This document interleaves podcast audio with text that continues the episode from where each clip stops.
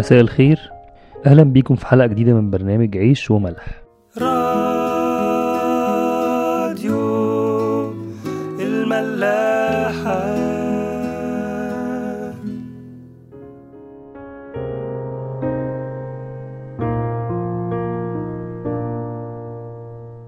النهاردة هنبدأ نتكلم مع بعض في تفسير المزمور الحداشر من مزامير داود وهقرأ معاكم المزمور على الرب توكلت. كيف تقولون لنفسي اهربوا إلى جبالكم كعصفور؟ لأنه هو ذا الأشرار يمدون القوس. فوقوا السهم في الوتر ليرموا في الدجى مستقيم القلوب. إذا انقلبت الأعمدة فالصديق ماذا يفعل؟ الرب في هيكل قدسه الرب في السماء كرسيه عيناه تنظران أكفانه تمتحن بني آدم. الرب يمتحن الصديق أما الشرير ومحب الظلم فتبغضه نفسه. يمطر على الأشرار فخاخا نارا وكبريتا وريح السموم نصيب كأسهم. لأن الرب عادل ويحب العدل. المستقيم يبصر وجهه هللويا.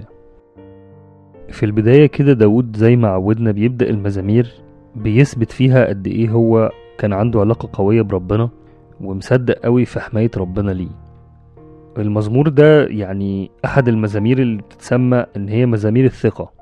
المزامير اللي دايما فيها داود بيأكد ثقته في ربنا وسط كل المشاكل والضيقات اللي, اللي هو كان بيعدي بيها. فهو بيبدأ المزمور بيقول على الرب توكلت. ده البداية ودي القاعدة بالنسبة له. على الرب توكلت. بيكمل وبيقول كيف تقولون لنفسي اهربوا إلى جبالكم كعصفور. هو في الغالب آه، المزمور ده كتبه داود لما شاول كان بيطارده علشان يقتله وإصحابه إصحاب داود يعني أو رجال داود اللي كانوا معاه وهو كان داود ساعتها بيحارب آه، أشاروا عليه إن هو يهرب من شاول ويروح للجبال. الكلام ده موجود في صمويل الأول 23 فهو بيقول للرجالة بتاعته يعني إزاي بتقولوا لي أهرب؟ إزاي عايزيني اهرب كعصفور؟ يعني عصفور ده رمز ال- ال- الضعف أو رمز ان ان العصفور ده بيهرب من اي خطر بيلاقيه. مع ان داود ممكن يكون هرب في اوقات بعد كده يعني هرب من شاول لكن هنا تفسير المزمور بيتكلم على ان في نوعين من الهروب. في هروب جاي أو نابع من الخوف وعدم الثقة في ربنا ان هو ممكن يحميه أو ينقذه وهو ده اللي داود رفضه. لكن في هروب تاني هو هروب كويس يعني هروب من الشر نفسه. مش بدافع الخوف لكن بدافع إن هو ده مش الوقت اللي أنا هقاوم فيه الشر. أو مش مفيش داعي إن أنا أضيع وقتي في مقاومة الشر هروب من الشر أو من الخطية. زي مثلا يوسف لما هرب من امرأة فوتيفار ده كان هروب من الشر أو من الخطية. زي ما كمان ربنا قال للوط اهرب إلى الجبل. أو زي ما المسيح نفسه كمان ممكن يكون هرب من من هيرودس علشان ما يقتلوش. ففي هروب بدافع الخوف وهو ده اللي, اللي داود كان بيلوم صحابه أو رجاله إن هم بيشوروا عليه بيه. وفي هروب تاني ده هروب يعني فعال أو هروب مفيد للإنسان إن هو يهرب من الشر. ما بيكونش الخوف هو الدافع لكن بيكون نوع من أنواع إن هو مفيش داعي أو مفيش مجال إن الواحد يقف في نفس المكان اللي فيه الشر ويحاربه يعني أو يواجهه. لا الهروب منه أو هروب من الخطية في بعض الأحيان هو ممكن يكون الحل الأمثل.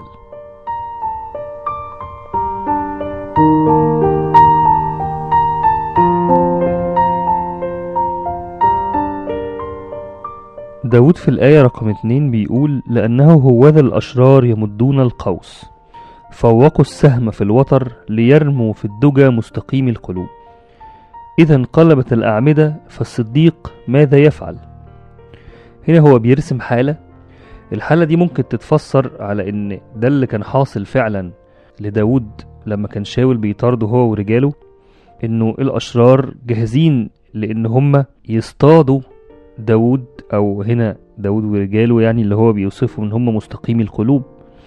أو اللي ماشيين ورا ربنا فممكن يكون تفسير الآية دي هو تفسير حقيقي للي حصل في حياة داود وممكن يكون ليه تفسير تاني هو اللي ممكن يكون حصل أو بيحصل في الكنيسة فعلا وقت ما بتعدي بعصور اضطهاد أو بيعدي عليها هرطقات أو ناس بتقول بدع وأفكار مضللة لولاد ربنا اللي هم هنا بيتوصفوا بمستقيمي القلوب.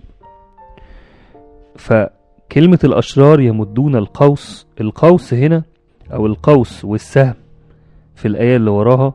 تفسيرها الأفكار الخاطئة أو الهرطقات اللي ممكن تكون عدت بيها الكنيسة أو في ناس حاولت إن هي تضل بيها ولاد ربنا. فبيقول فوقوا السهم في الوتر ليرموا في الدجى مستقيم القلوب. في الدجى دي يعني معناها بالليل. فهنا هو تفسير كلمة الدجى أو الليل إنه الليل ده هو ليل الكنيسة وقت ما بتكون بتتعرض للخطر ده فعلا. خطر الهرطقات والأفكار الباطلة اللي ممكن حتى تكون نابعة من جوه الكنيسة نفسها. كمان في الآية اللي وراها بيقول إذا انقلبت الأعمدة فالصديق ماذا يفعل؟ الأعمدة هنا في سياق نفس التفسير اللي هو تفسير الهرطقات يعني ممكن تكون تفسير كلمة الأعمدة إن هم مثلا أساقفة أو بطاركة لأنه كان في ناس من اللي طلعت هرطقات كتير في الكنيسة كانوا بطاركة وأساقفة فبيطرح بعد كده السؤال بيقول فالصديق ماذا يفعل؟ ده في الآية 3 أعمل إيه طيب؟ يعني واحد الغلابة اللي هم عايزين يمشوا ورا ربنا ويعيشوا في الكنيسة لما يكون بيتواجهوا بهرطقات وبأفكار خادعة وباطلة ممكن تكون من ناس يعني مشهورين أو ناس كبار. فيعمل إيه الصديق؟ تيجي الإجابة في الآية اللي بعدها بيقول الرب في هيكل قدسه الرب في السماء كرسيه. هيكل قدسه هنا تفسيرها النفس البشرية. يعني ما معناها الآية دي إنه ربنا قادر إن هو يحمي نفوس ولاده والناس اللي عايزة تمشي وراه وعايزة تعيش معاه كل حياتها قادر إن هو يحميهم من كل خطر ومن كل اضطهاد ومن كل هرطقة وفكر خادع وباطل. وده ياخدنا لأنه الحاجة اللي إحنا لازم نكون واثقين منها ومتأكدين منها إنه أنا جوايا المسيح طالما أنا مؤمن بالمسيح جوايا روح ربنا الروح القدس. روح ربنا اللي أنا خدته في المعمودية هو اللي قادر إن هو يفرز جوايا كل أفكار بتعدي عليا إذا كانت دي أفكار من المسيح أو أفكار مش من المسيح.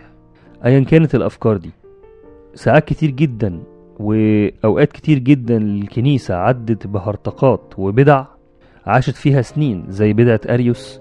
بدعة أريوس فضلت فترة طويلة جدا وناس كتير قوي مشيت وراه وكتير جدا من البدع والأفكار. حتى لو أفكار تانية مش من الكنيسة أفكار تانية مثلا أفكار إلحاد أو أفكار تضليل بأي نوع. فأنا جوايا روح إفراز هي الروح القدس اللي قادرة إن هي تفرز كل فكرة بتعدي جوايا أو بتعدي قدامي إذا كانت الفكرة دي من المسيح فكرة مقدسة فكرة روحية فكرة حقيقية ولا فكرة باطلة وخادعة.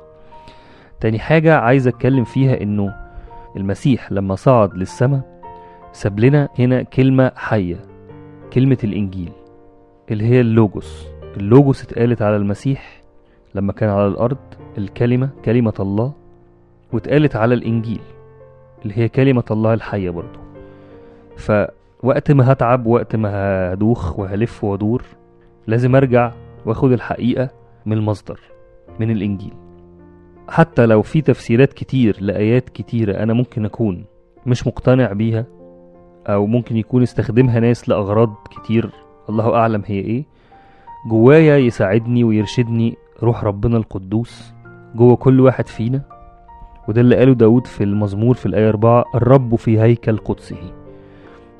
الرب يقدر يحمي نفس كل واحد من ولاده.